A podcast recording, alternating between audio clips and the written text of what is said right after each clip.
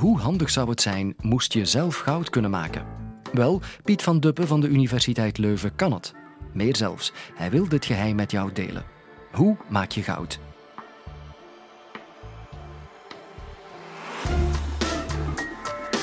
Dit is de Universiteit van Vlaanderen.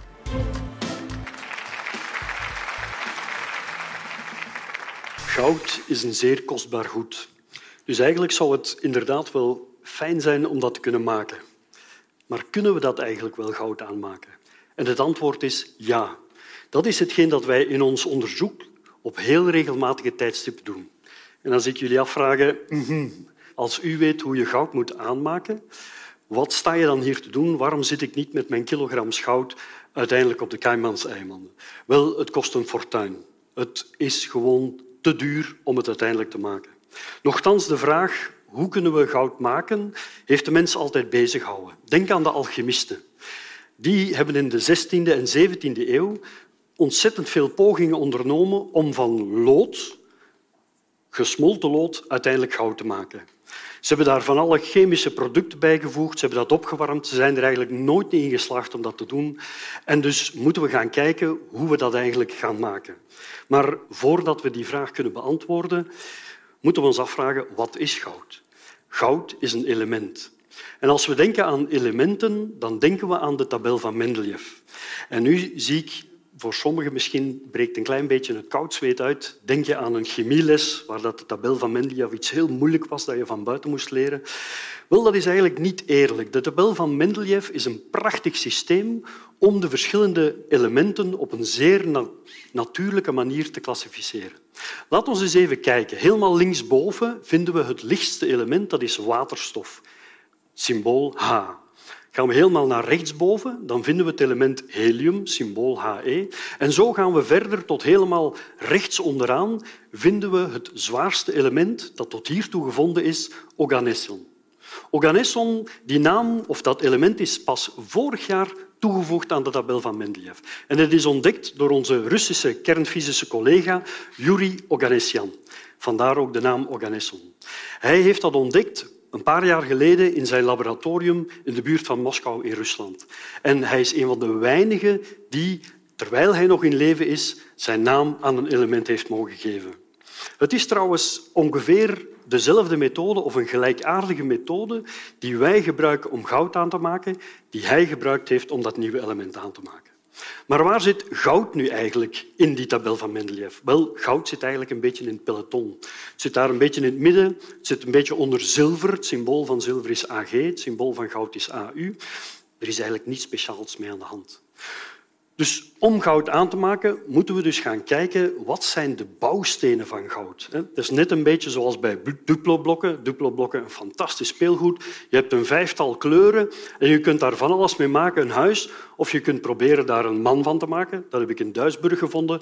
Ik laat dat aan u om te kijken wat de gelijkenis is. Ik denk dat het enkel dus, uh, op de sandalen slaat. Dus maar met die Duplo-blokken, met die paar bouwstenen, kun je eigenlijk prachtige dingen maken. Om goud te maken heb je eigenlijk drie bouwstenen nodig. Protonen, dat zijn positief geladen deeltjes. Neutronen, dat zijn elektrisch neutrale deeltjes. En elektronen, dat zijn elektrisch negatief geladen deeltjes. Positief en negatief trekken elkaar aan. De tegenpolen trekken elkaar aan. Dus met die drie bouwstenen kunnen we eigenlijk goud maken. Hoe dat in zijn werk gaat, daarvoor moeten we de tabel van Mendeleev een klein beetje uitbreiden. De tabel van Mendeleev is een beetje de speelplaats van de chemisten. Er was hier iemand die chemie gestudeerd heeft in de zaal. De kernkaart is eigenlijk de speelplaats van de kernfysici. En laten we eens kijken hoe die kernkaart is opgebouwd. Wat we dus tonen op de horizontale as is eenvoudigweg het aantal neutronen, één van die drie bouwstenen. 0, 1, 2, 3, 4. Op de verticale as tonen we het aantal protonen, 1, 2, 3 en zo verder. En het lichtste element is inderdaad waterstof, 1H, symbool H. Dat is eenvoudigweg één proton en daar rond cirkelt een elektron. Voegen we daar nu een neutron aan toe, dan krijgen we H2, dat is technisch gezien deuteron. Dat bestaat dus uit één proton, één neutron en daar rond draait dat ene elektron. Dit zijn de isotopen twee isotopen van het element waterstof. Ze zijn zwart gekleurd, dat wil zeggen dat ze stabiel zijn. Dat wil zeggen dat als we die hier op het podium zouden leggen en we komen binnen 10.000, 100.000 miljard jaar terug, die zouden daar nog altijd liggen. Dan voegen we nog een neutron toe en krijgen we H3 en dat is tritium. En H3 heeft een andere kleur, heeft een blauwe kleur. Dat wil zeggen dat het radioactief is. Radioactief wil zeggen dat dat isotoop zich op een natuurlijke, spontane manier kan omzetten in een ander element. Dus wat er gebeurt, is uiteindelijk dat één van die drie bouwstenen, één proton, twee neutrons, zich gaat omzetten. En radioactief is gekarakteriseerd door een halfwaardetijd. Een halfwaardetijd, in dit geval is dat 12 jaar. En dat betekent die halfwaardetijd, als we nu tritium, 100 tritiumatomen hier op het podium zouden leggen, we komen binnen 12 jaar terug, zijn er nog maar 50 over. Komen we terug binnen 12 jaar terug, zijn er ongeveer nog 25 over. Dus dan zie je dat die tritium verdwijnt, maar wat verschijnt er? Wel, één van die twee neutronen wordt omgezet in een proton en we krijgen helium. We krijgen een nieuw element. Dus uiteindelijk vormt dat helium-3. En helium-3 is een nieuw element en bestaat uiteindelijk uit twee protonen en één neutron. Dus we hebben helium-3 we voegen daar terug een neutron toe, krijgen we twee protonen, twee neutronen met daar rond twee elektronen, krijgen we helium-4.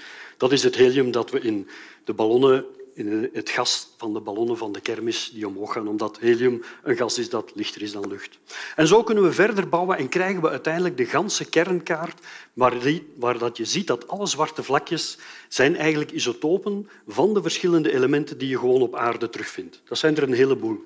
Maar daarnaast zijn er ook de gekleurde die we nu zien, dat zijn de radioactieve isotopen. Dus we hebben eigenlijk ook een hele verzameling van radioactieve isotopen, net zoals dat tritium, isotopen en atomen die zich kunnen omzetten van het ene element in het andere. De kleur duidt aan hoe dat uiteindelijk gebeurt. Waar zit goud nu uiteindelijk? Wel, wat we hier zien is dat goud ergens daar in het midden zit. En goud bestaat uit één stabiel isotoop met 79 protonen, 118 neutronen en that's it. En daarom staat er 197, dat is het aantal protonen plus het aantal neutronen. En daarnaast heeft goud ook natuurlijk radioactieve broers en zussen, radioactieve isotopen. De blauwe met meer neutronen, de rode met minder neutronen. U ziet daar ook de halfwaardetijd staan en die kan gaan van dagen naar uren, naar duizendste van een seconde, tot voor de andere elementen honderdduizend jaar, een miljoen jaar. Dus daar zit het goud uiteindelijk. Dus we weten nu, dit isotoop, dit stabiele isotoop, is eigenlijk het goud dat in uw juwelen zit, dat in uw goudstukken zit. Dus eigenlijk weten we nu hoe dat die atoomstructuur eruit ziet. Het is dus een kern bestaande uit die 79 protonen, 118 neutronen en daar rond vliegen die elektronen. Wat we hier zien is eigenlijk helemaal niet op schaal. Want als we de kern wat we die rode en blauwe protonen en neutronen, dat is de atoomkern. Als die kern slechts één centimeter groot is, een knikker, en we leggen die op de witte stip van een voetbalveld in het Heizelstadium, dan draaien de elektronen rond in de tribunes. Dus u ziet dat qua afstand die elektronen en die atoomkern zijn eigenlijk twee verschillende werelden. Nu, waarom is goud zo kostbaar? Waarom hebben we dat graag? Wel, ten eerste de gouden kleur, heel speciaal. Alle andere metalen, goud is een metaal, zijn zilverkleurig. Denk aan zilver, natuurlijk, maar ook aluminium, ijzer. Hoe komt dat? Wel, omdat zilver, als daar wit licht op invalt, eigenlijk bestaat wit licht niet. Herinner u, de regenboog, wit licht bestaat eigenlijk uit alle kleuren van de regenboog. Dat wit licht valt daarop in en weerkaatst ook alle kleuren. Vandaar dat zilver zilverachtig is. Wat doet goud? Het witte licht dat invalt op goud laat alle kleuren weerkaatsen, behalve blauw. En daardoor geeft het die gele, heel mooie gele schijn. Dat is een gevolg van de relativiteitstheorie van Einstein, die een invloed heeft op die elektronbanen en die dat, dat maakt. Waarom is goud nog interessant? Het roest niet. IJzer roest, goud blijft voor heel lange tijd stabiel. Het is gemakkelijk manipuleerbaar. Je kan het smelten, je kan het uitrollen en dergelijke. En het is zeer zeldzaam op aarde.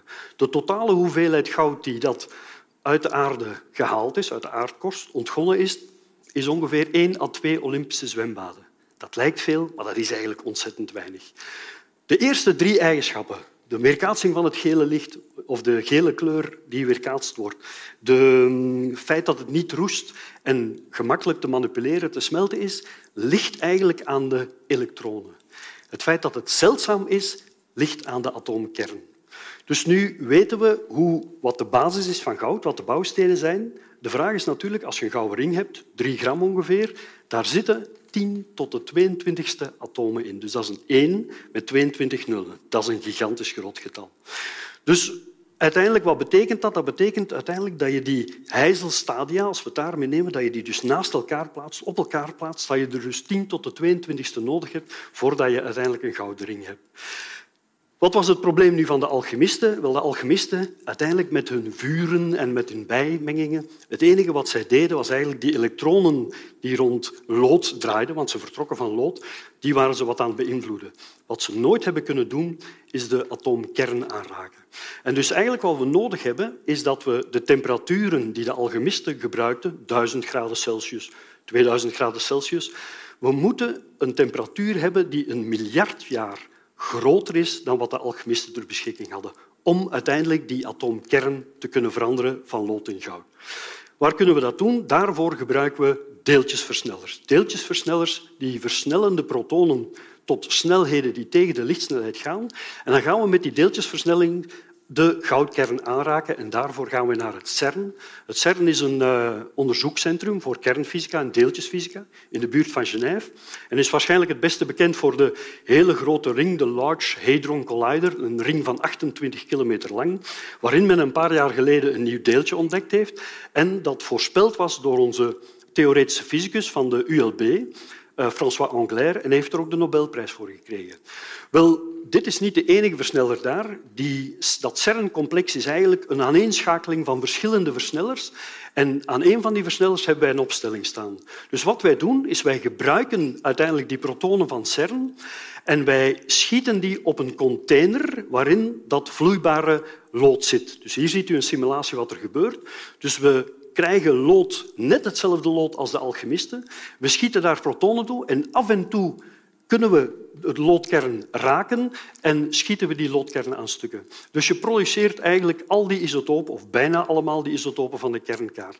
Af en toe produceren we goud. Nu, we moeten dat er ook nog kunnen uitnemen, want naast de één atoom van goud of een paar atomen goud zijn er een heleboel andere. En daarvoor gebruiken we allerlei technieken onder andere massaseparatie. Dus we gaan eigenlijk gewoon op basis van de massa van de verschillende isotopen scheidingen, maar ook lasers. En met laserlicht kunnen we weerom gaan kijken naar die elektronen die in de tribunes van het heizelstadium ronddraaien. En we kunnen die uiteindelijk gaan bestuderen. We kunnen er eentje van afplikken. En de kleur die je nodig hebt van het laserlicht om dat te doen, is werkelijk een vingerafdruk van het element. Dus daarmee halen we eigenlijk dat goud eruit. We produceren zo ongeveer een miljard goudatomen per seconde. Dan zul je zeggen, hm, dat is een goed getal. Om een gouden ring van drie gram te maken, dat duurt 100.000 jaar. Dag in, dag uit, bestralen en die techniek toepassen. Dat kost een fortuin, ik heb het niet durven uitrekenen. Dus dit is eigenlijk totaal zinloos. Dus je kunt het produceren, maar het kost een fortuin. Rest ons alleen de vraag, waar komt het goud vandaan dat we uit de aardkorst halen, dat we in de mijnen vinden? Wel, dat is eigenlijk op een gelijkaardige manier gebruikt met behulp van reacties op de kern van het atoom, dus met kernreacties. En dan moeten we dus naar gigantische versnellers gaan zoeken. Dus dan moeten we naar gigantische kernreactoren gaan zoeken. En waar vinden we die?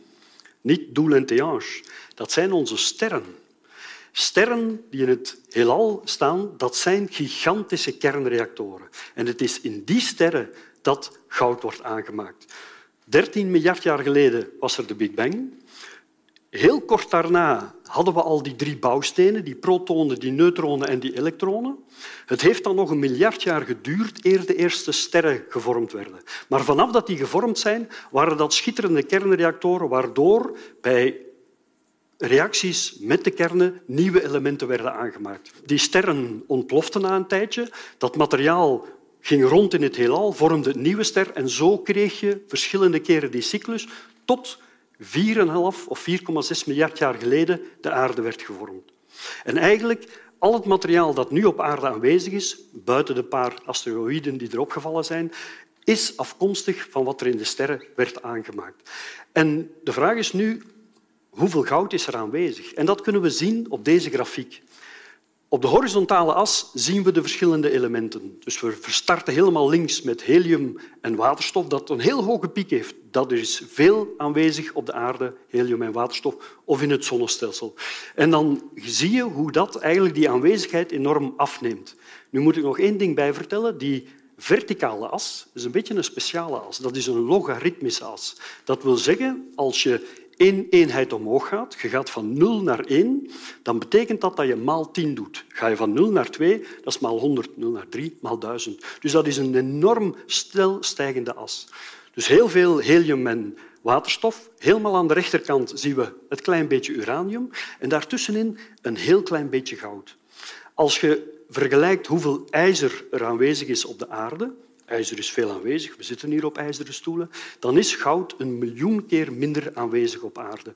Als we gaan kijken naar de aardkorst, dan is het nog eens een factor 100 minder. Dus dat is de reden waarom goud inderdaad zo zeldzaam is. Dus hoe maken we goud? Wel, daarvoor hebben we kernreacties nodig, hebben we gigantische versnellers nodig. Waar vinden we die? In de sterren. Dus het goud wordt aangemaakt in de sterren, maar niet alleen het goud. Eigenlijk alle elementen, ook de atomen die in ons lichaam zitten, zijn aangemaakt in de sterren. En het is zoals de astrofysicus Hubert Reeves ooit zei, uiteindelijk betekent dit dat wij gewoonweg sterrenas zijn.